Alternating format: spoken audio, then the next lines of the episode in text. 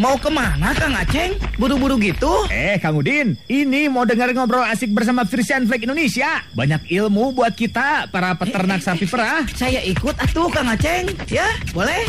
Saatnya ngobrol asik bersama Frisian Flag Indonesia. Persembahan Frisian Flag Indonesia dan Radio Dahlia FM.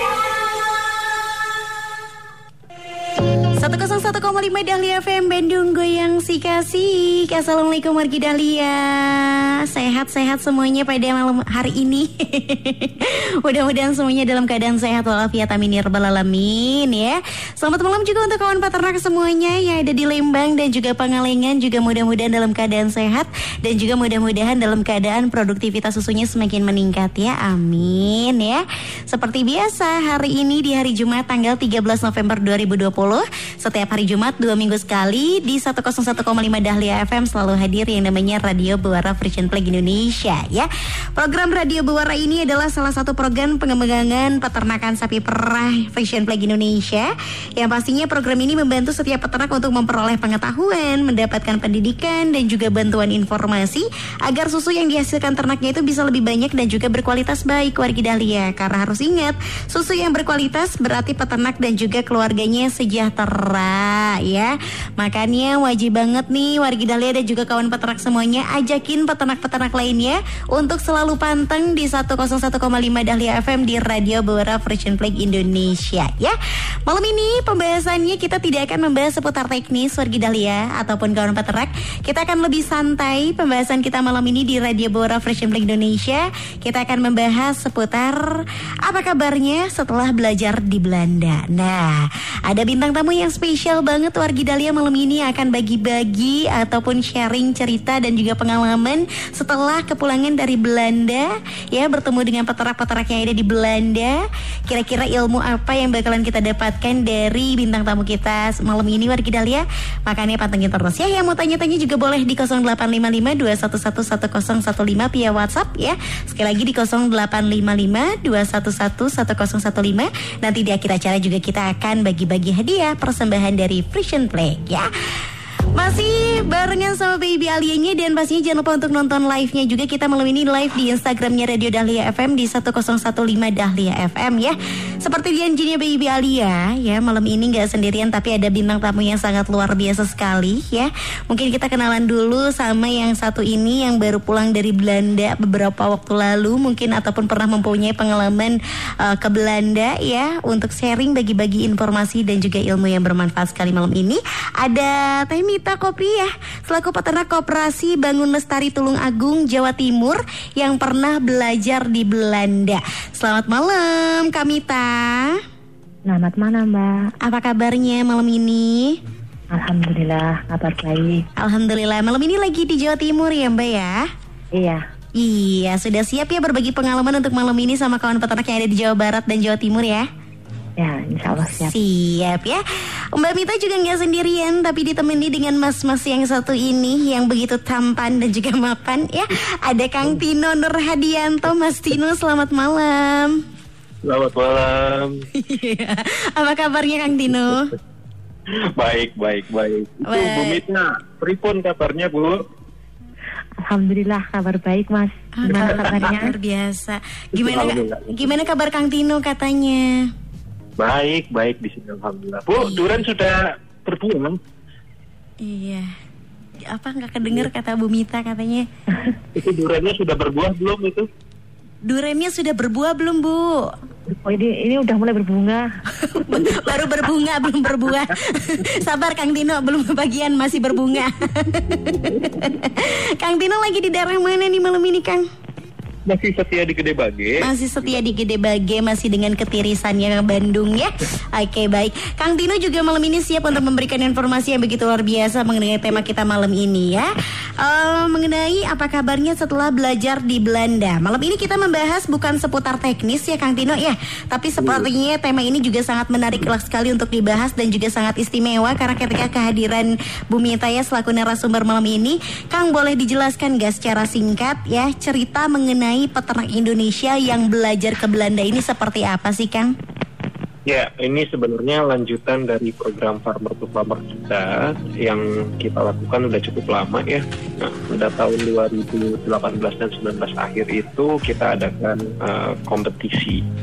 Ya, jadi kompetisi ini dari peserta FPF yang sebelumnya sudah dilatih oleh peternak Belanda, kita lihat uh, saran-saran itu dikerjakan nggak uh, sama peternak kita gitu, dan ada hasil yang bagus nggak Nah, dari situ kita seleksi dan uh, terpilihlah salah satunya ada Bumita di sini yang kita hadirkan. Nah, kemudian Bumita ini uh, giliran dia terbang ke Belanda untuk belajar di sana kurang lebih sekitar uh, tiga minggu kalau nggak salah ya. Mm-hmm. Itu itu di tahun uh, 2019 bulan Juni akhir sih saya.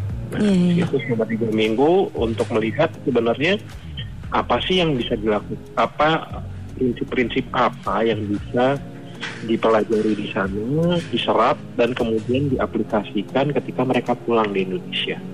Seperti itu. Oke, baik. Nah, Bu Mita ternyata pengalamannya be, uh, kurang lebih 2019. Boleh diceritakan nggak sama kawan peternak? Gimana sih pengalaman selama belajar di Belanda? Sisi apa aja yang sangat bisa dan juga ingin Ibu terapkan di sini di Indonesia untuk kawan peternak yang lainnya, Bu? Ya, sungguh pengalaman yang luar biasa ya Mbak bagi mm -hmm. saya. Baru pertama kali ini luar negeri dan langsung terbang ke Belanda. Mm -hmm. Selama beberapa minggu saya di Belanda, hal yang memungkinkan dan sangat bisa diterapkan di kandang saya antara lain pemeliharaan pedet di mana pedet di umur dua minggu sudah mulai diberikan dan diperkenalkan secara bertahap dengan rumput, air, dan konsentrat. Mm-hmm. Dua pemola pemeliharaan sapi perah dan kebersihan kandang. Tiga, terkait dengan pakan, saya mempelajari terkait dengan pembuatan dan betapa pentingnya silase. Dikarenakan mereka hanya bisa menanam jagung di Belanda, mereka hanya bisa menanam dan memanen jagung mm-hmm. dan lain-lainnya dalam usia 4 sampai 5 bulan selebihnya tidak memungkinkan karena di luar itu sudah musim salju. Oke, luar biasa. Terus apalagi Bu Mita? Pengalaman lainnya mungkin yang didapatkan banyak ya, sekali ya? Banyak ya. Di mana kita bisa tahu cara merawat sapi dengan benar, cara menjaga kebersihan kandang, Hmm, Oke okay, baik itu baru poin-poinnya saja wargi Dahlia yang disebutkan ya. oleh Bu Mita ya pengalaman yang begitu luar biasa waktu itu berapa minggu uh, Mbak di sana tiga minggu betul? Iya tiga minggu Mbak di sana. Oke hmm, oke okay, okay. kesannya begitu pulang ke Indonesia sangat happy sekali pastinya ya?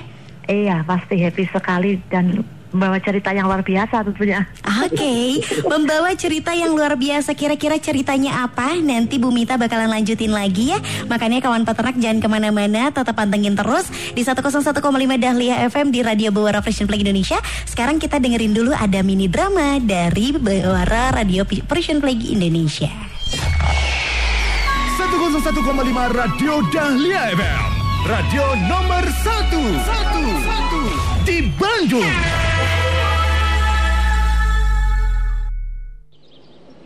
Mantap. Ada penyuluhan apa lagi nih?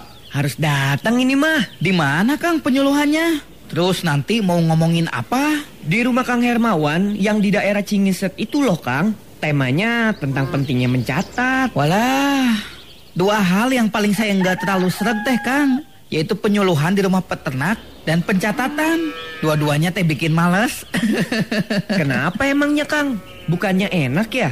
Karena dekat, nggak perlu jauh-jauh ke koperasi dan juga mencatat, kan? Iya sih, tapi konsumsinya teh nggak spektakuler, Kang. Sama mencatat itu, ah, apa coba manfaatnya? Nah, ini udah berkali-kali ikutan penyuluhan masih aja nggak ngerti. Bukannya mencatat itu penting ya, Kang? Agar kita tahu apa yang terjadi dengan bisnis peternakan kita. Lalu soal konsumsi mah nggak usah dipermasalahkan, Kang. Betul itu, Kang Budi. Saya banyak bertemu dengan peternak di negara tersebut, berkurang sering waktu.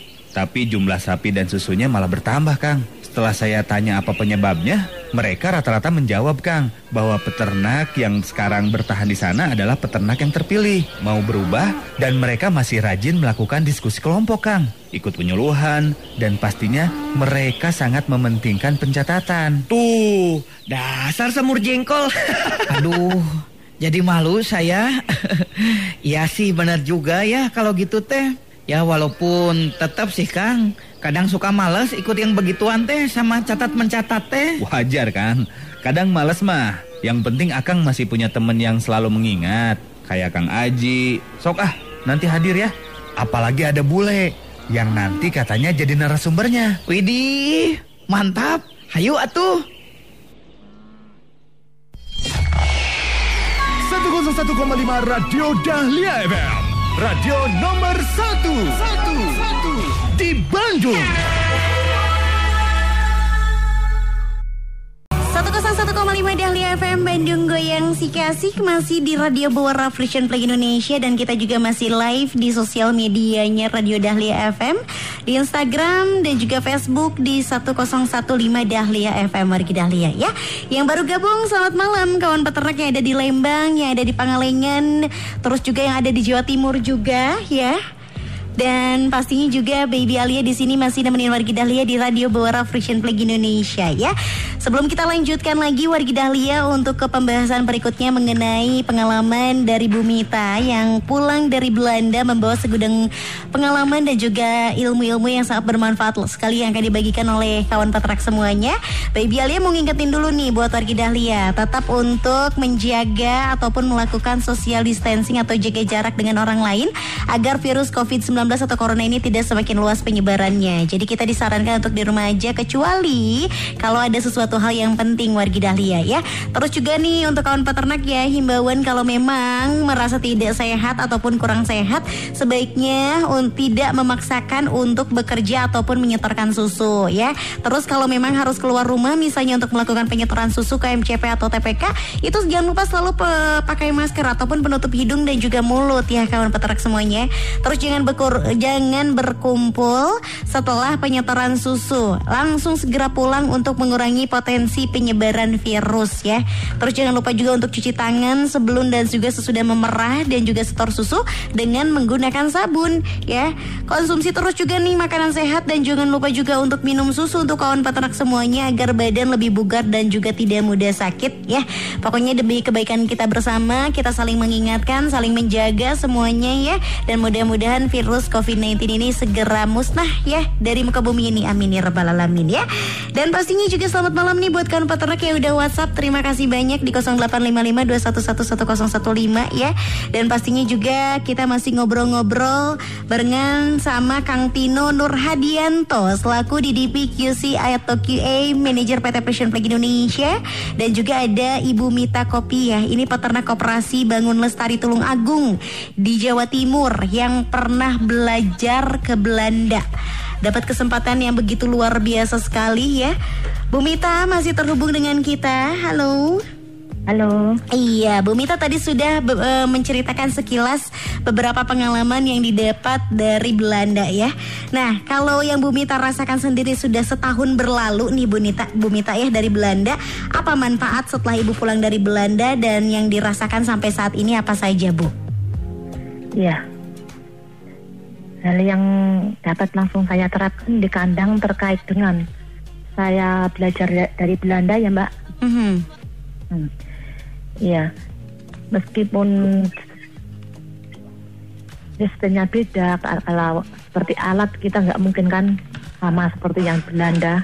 Iya, iya Soal betul. ketanggihan Mhm. karena keterbatasan di sini. Ya, hal yang langsung ki- kita bisa terapkan di kandang eh, dengan desain kandang yang tepat, di mana tempat pakan rendah, dan kemudian ukuran kandang yang sesuai yang dianjurkan peternak Belanda dan teman-teman di FFI. Mhm. Maka saya saat ini tidak perlu memandi- memandikan sapi setiap saat. Mhm.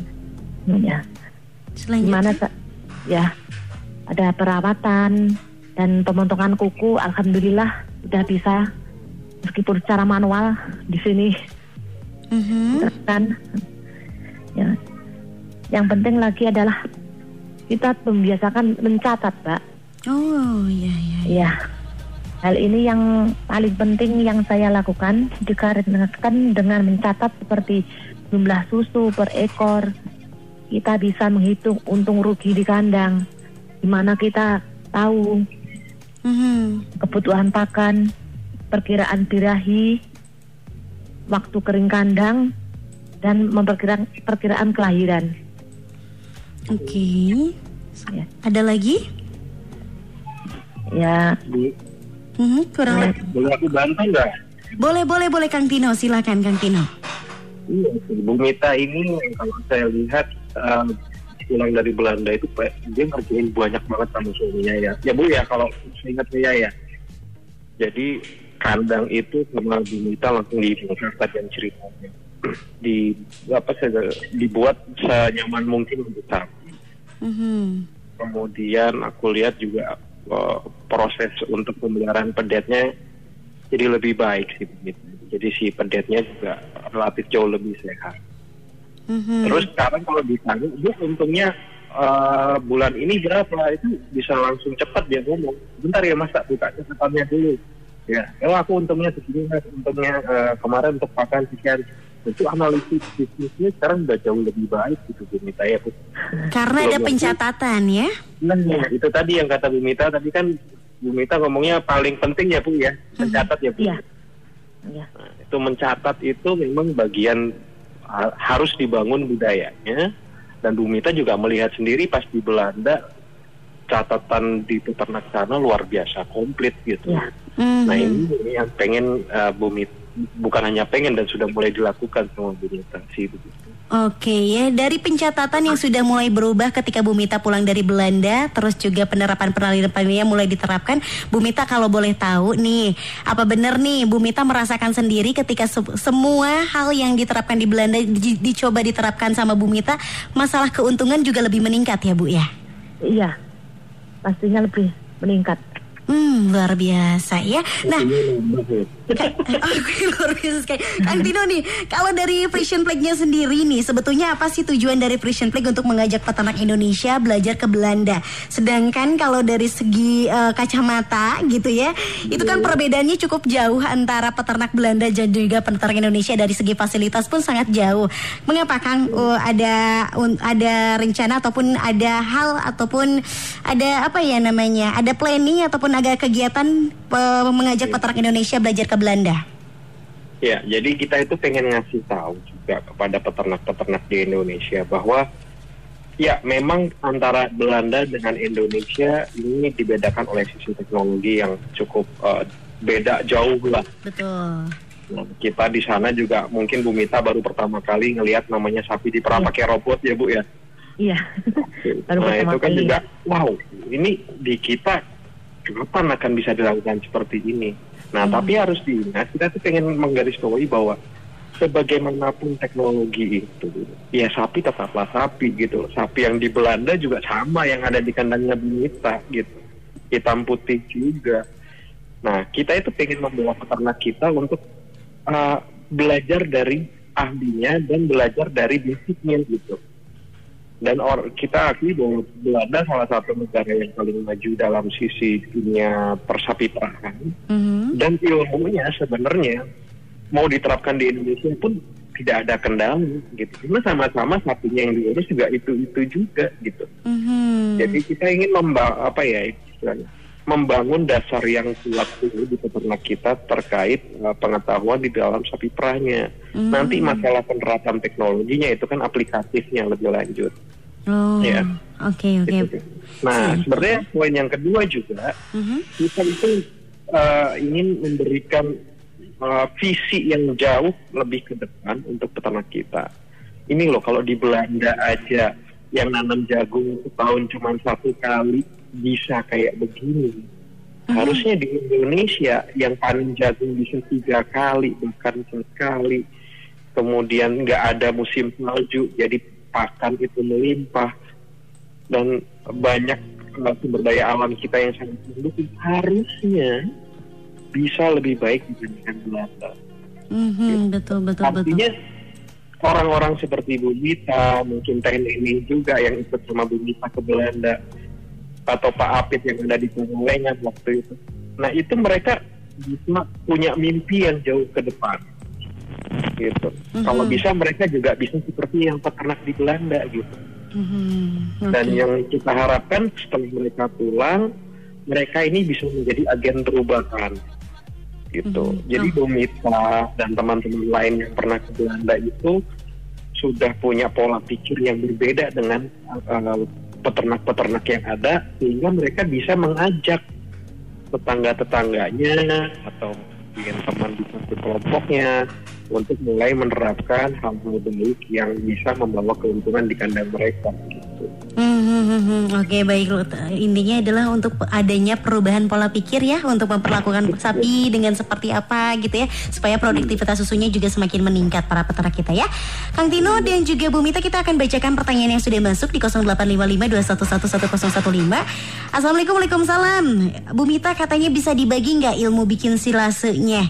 Soalnya khususnya peternak Lembang nih sekarang itu sudah kesulitan pakan karena tergeser sama tempat wisata lahan rumputnya. Nah, boleh dibagi-bagi ilmunya nih Bu Mita, silakan. Wah, ya, ya Mbak untuk silase, alhamdulillah saya selalu menggunakan silase karena stok rumput di tempat saya yang memang melimpah dan kayaknya di tahun ini nggak ada musim kemarau. Mhm. Jadi, Cara untuk menanggulanginya seperti peternak yang ada di Lembang atau Pekalongan, Mbak? Dari Lembang ini.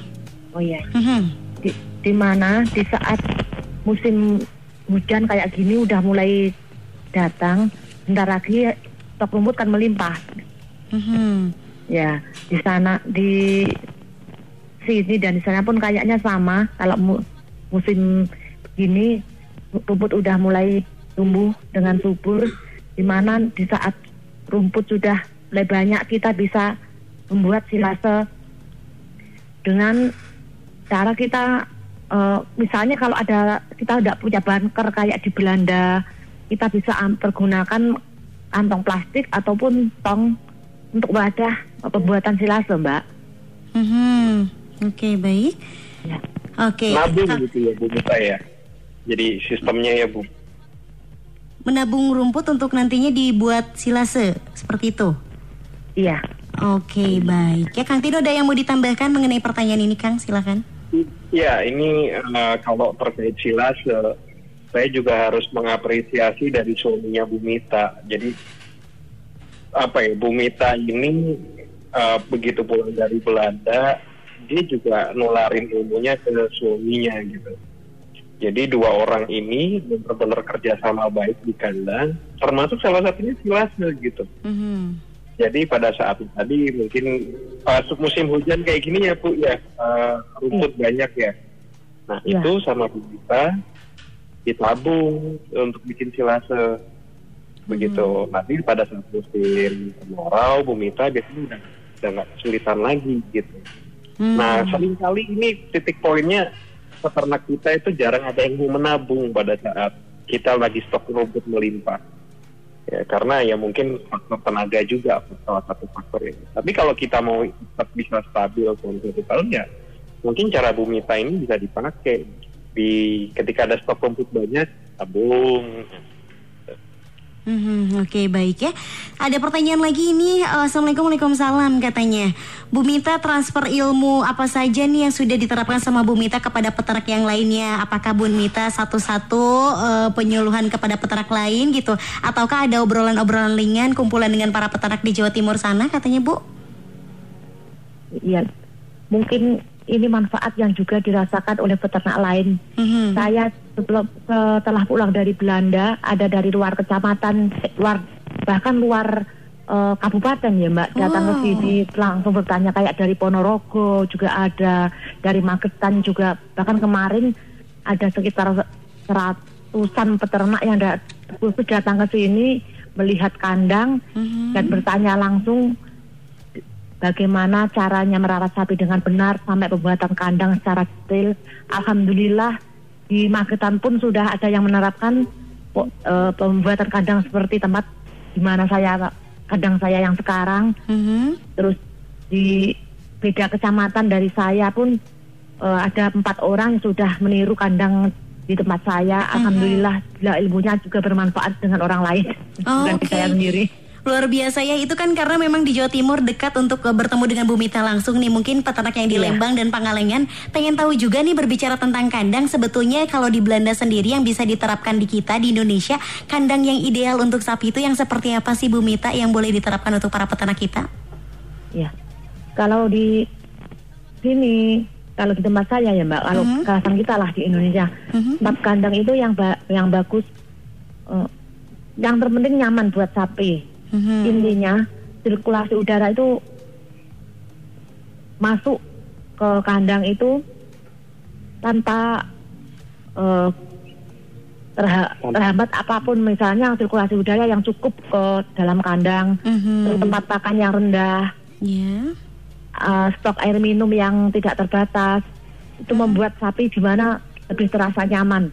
Mhm. Oke oke oke.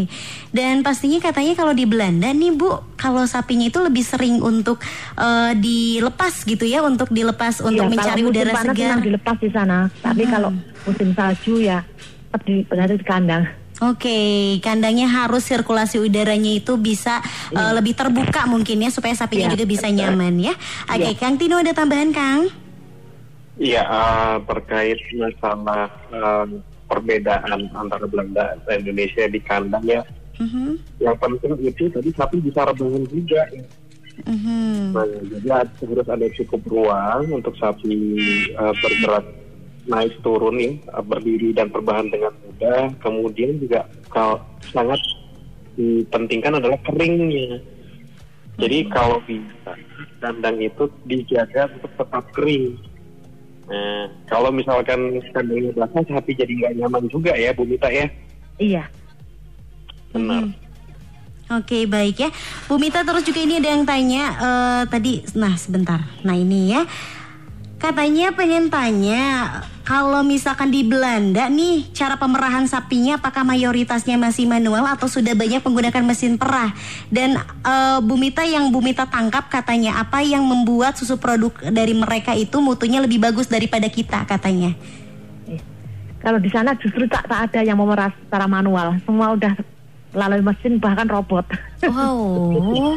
Sudah tidak ada lagi yang capek-capek tangannya meres ya Bu ya iya. Mhm, Oke, Nah itu sapinya 100, nggak mungkin di berapa gitu. iya sapinya makin tahun makin nambah ya kalau peternak di sana ya. Iya. Kalau hal yang paling konkret dari Mbak Mita dari Bu Mita yang disimpulkan bahwa oh iya nih yang membedakan peternak kita sama peternak Belanda adalah bla bla bla bla. Apa hal yang paling utama yang perbedaan paling mencolok dari kita dan juga peternak Belanda Bu? Iya. Yang jelas tek- teknis ya Mbak, yang di sana itu semua udah serba modern, sedangkan di kita kan masih manual lah. Mhm. Ya. Oke. Bahkan di tempat saya ini belum ada untuk yang lepas tanduk itu kalau di Pangalengan tempat Teh Nenek katanya sudah ada, tapi kalau di tempat saya itu belum ada untuk lepas tanduk. Oh, di Jawa Timur bahkan belum ada ya? Iya. Iya luar biasa nih berarti di Lembang perlu bersyukur ya Kang Tino ya sudah ada akses ataupun sudah ada fasilitas seperti itu. Oke baik untuk Bu Mita sendiri Bu Mita nih ya eh, dari sekian banyak ilmu yang didapatkan dari Belanda pertama kali datang ke Indonesia hal yang pertama kali diterapkan oleh Bu Mita apa yang paling mudah untuk diterapkan dari Belanda? Yang paling mudah untuk yang paling mudah bagi saya yang saya terapkan kita tidak harus memandikan sapi setiap hari. Ternyata di sana kan sapi itu tidak perlu mandi. Mhm. Terus di sini di sini kita tidak harus memandikan sapi setiap hari. Mhm. yang perlu mandi setiap hari peternaknya Yang ya. punya iya. yang punyanya. Oke, berarti ternyata jangan repot-repot untuk membandikan sapi setiap hari itu kuncinya ya. Iya. Iya, iya. Betul. Mhm. Kenapa nih Kang setuju dengan pernyataan ini Kang? Ya, setuju banget. Di Belanda itu nggak ada yang mandiin sapi dari sapi lahir sampai mereka di kandang sampai dewasa itu nggak pernah ada yang mandi. Oke. Tidak ada yang memandikan. Iya, karena itu juga nanti ambingnya biar tetap kering ya kan nggak basah Iya, biar ya. ambing tetap kering ya, dan tadi itu tujuannya supaya salah satunya tetap kering ya, Bu Mita ya.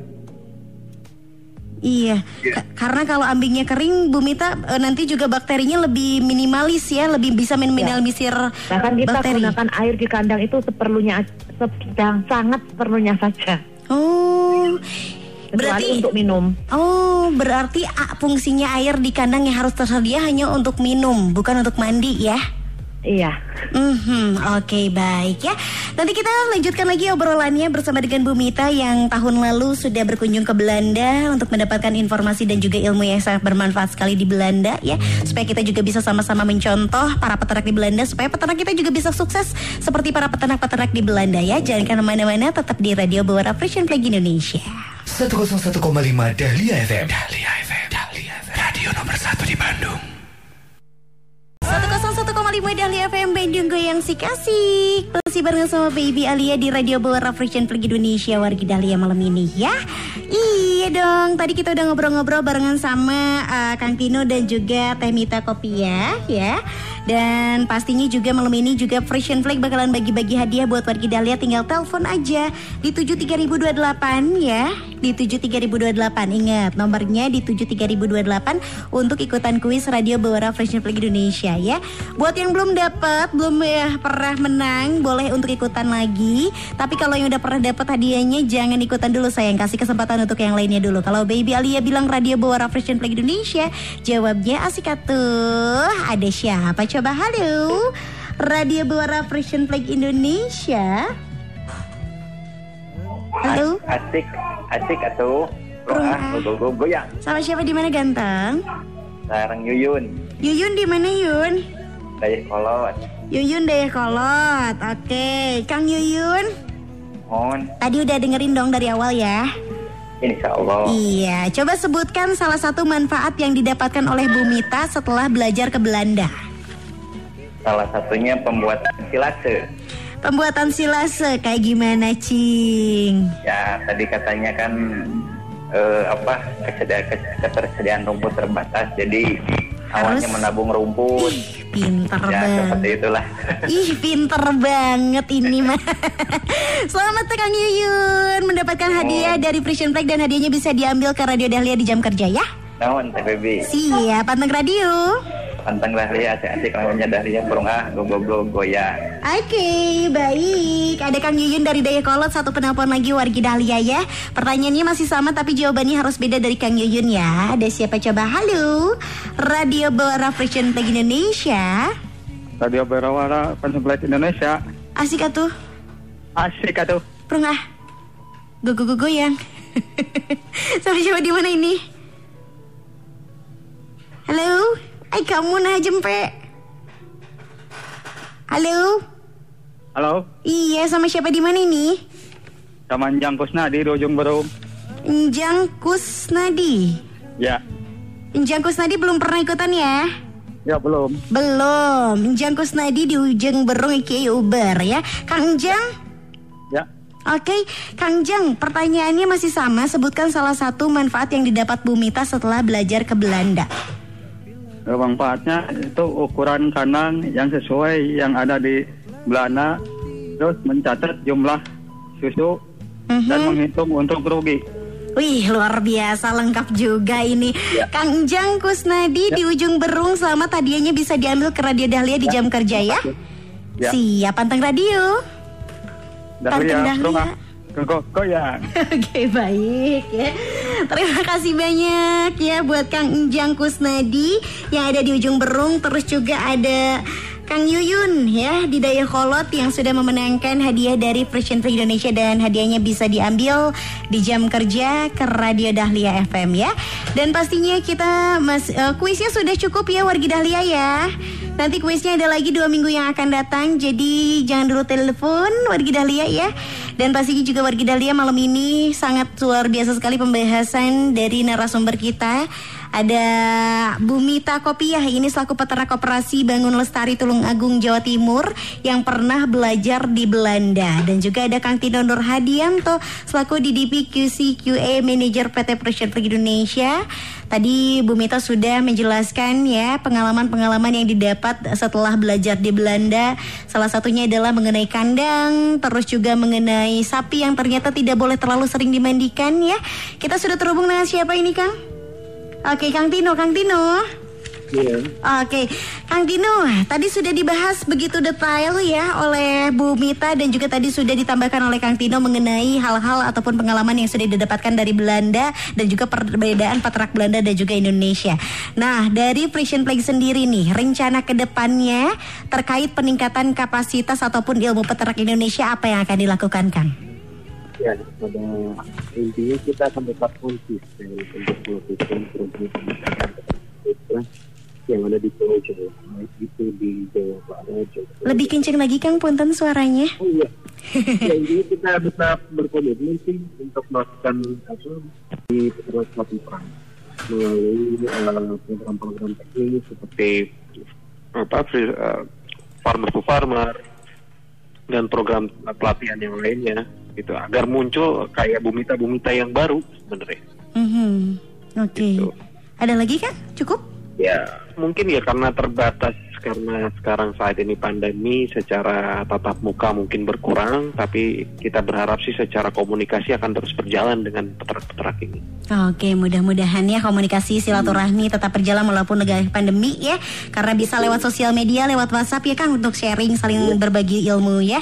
Kalau dari Bu Mita sendiri, Bu Mita nih terakhir Bu, boleh apa yang mau disampaikan untuk para peternak-peternak kita berdasarkan dari pengalaman yang sudah Ibu terapkan dari Belanda menuju ke Indonesia, diterapkan di Indonesia, apa saja saran-saran ataupun ajakan apa yang ingin disampaikan oleh para peternak kita Bu Mita, silahkan. Ya. Tetap semangat dan tetap bangga menjadi peternak sapi perah. wah Wah, luar biasa ya. Jangan lupa untuk selalu utamakan lakukan pencatatan ya Bu ya. Iya. Mhm. Sebagian orang kadang melihat pekerjaan peternak adalah hal yang berat mungkin. Mhm. Namun bila kita melakukan dengan sistem yang benar dan tepat, maka kita akan mempunyai hasil yang membanggakan. Hmm, luar biasa sekali ya. Dari Kang Tino terakhir Kang kesimpulan mengenai tema kita malam ini apa yang ingin disampaikan?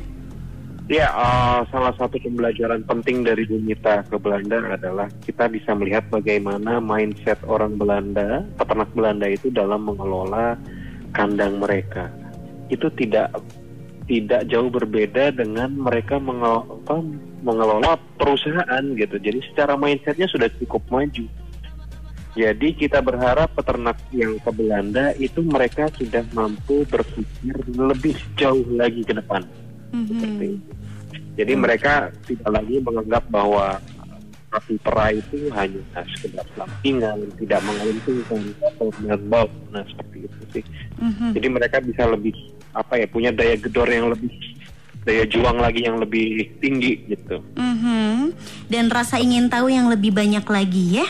Betul. Oke baik ya Luar biasa kita terhalang oleh waktu ini Kita terbatas dengan waktu Terima kasih banyak Bu Mita Ya untuk informasi dan juga ilmunya sangat bermanfaat sekali malam ini Untuk kawan peternak di Jawa Barat khususnya ya, Ya, Sehat selalu ya Bu Mita ya Iya, Mbak. Makasih. Iya salam untuk para peternak di Jawa Timur ya Mbak ya Iya, iya, Mbak. Siap Selamat malam Bu Mita Selamat malam. Oke baik ya Kang Tino juga terima kasih banyak untuk informasinya malam ini Kang ya Kang Tino juga mudah-mudahan sehat selalu dan juga sukses terus untuk Frisian Plague ya Ya, oke, tak nuwun.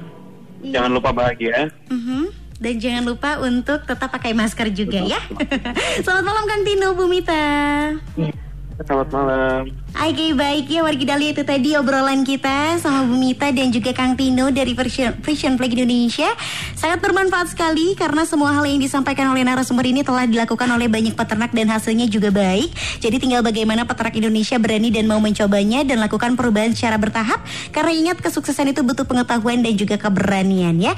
Jangan lupa tunggu lagi kehadiran Radio Buara pada tanggal 27 November 2020 Semoga pembahasan kita kali ini bisa bermanfaat dan juga diserap harap untuk kawan peternak semuanya dan jangan lupa juga ajakin peternak lain untuk dengerin Radio Bewara Fresh Flag Indonesia karena semakin banyak yang mendengarkan Radio Bewara dan juga membaca tabloid Bewara maka peternak kita juga akan semakin cerdas dan juga sejahtera ya. Baby Alia pamit dulu di Radio Bewara Fresh Flag Indonesia-nya ketemu lagi sebentar lagi di KIP Dahlia. Jadi patengin terus di 101,5 Dahlia FM. Prung ah, ge ge ge ge ya. Kang Udin, Kang Udin. Mo. Kang Udin mah, hayu atuh Kang pulang. Ngobrol asik bersama Frisian Flag Indonesia-nya udahan. Terus gimana tuh saya? Tenang, ngobrol asik barengan Frisian Flag Indonesia bakalan balik lagi tiap hari Jumat dua minggu sekali. Persembahan Frisian Flag Indonesia dan Radio Dahlia FM.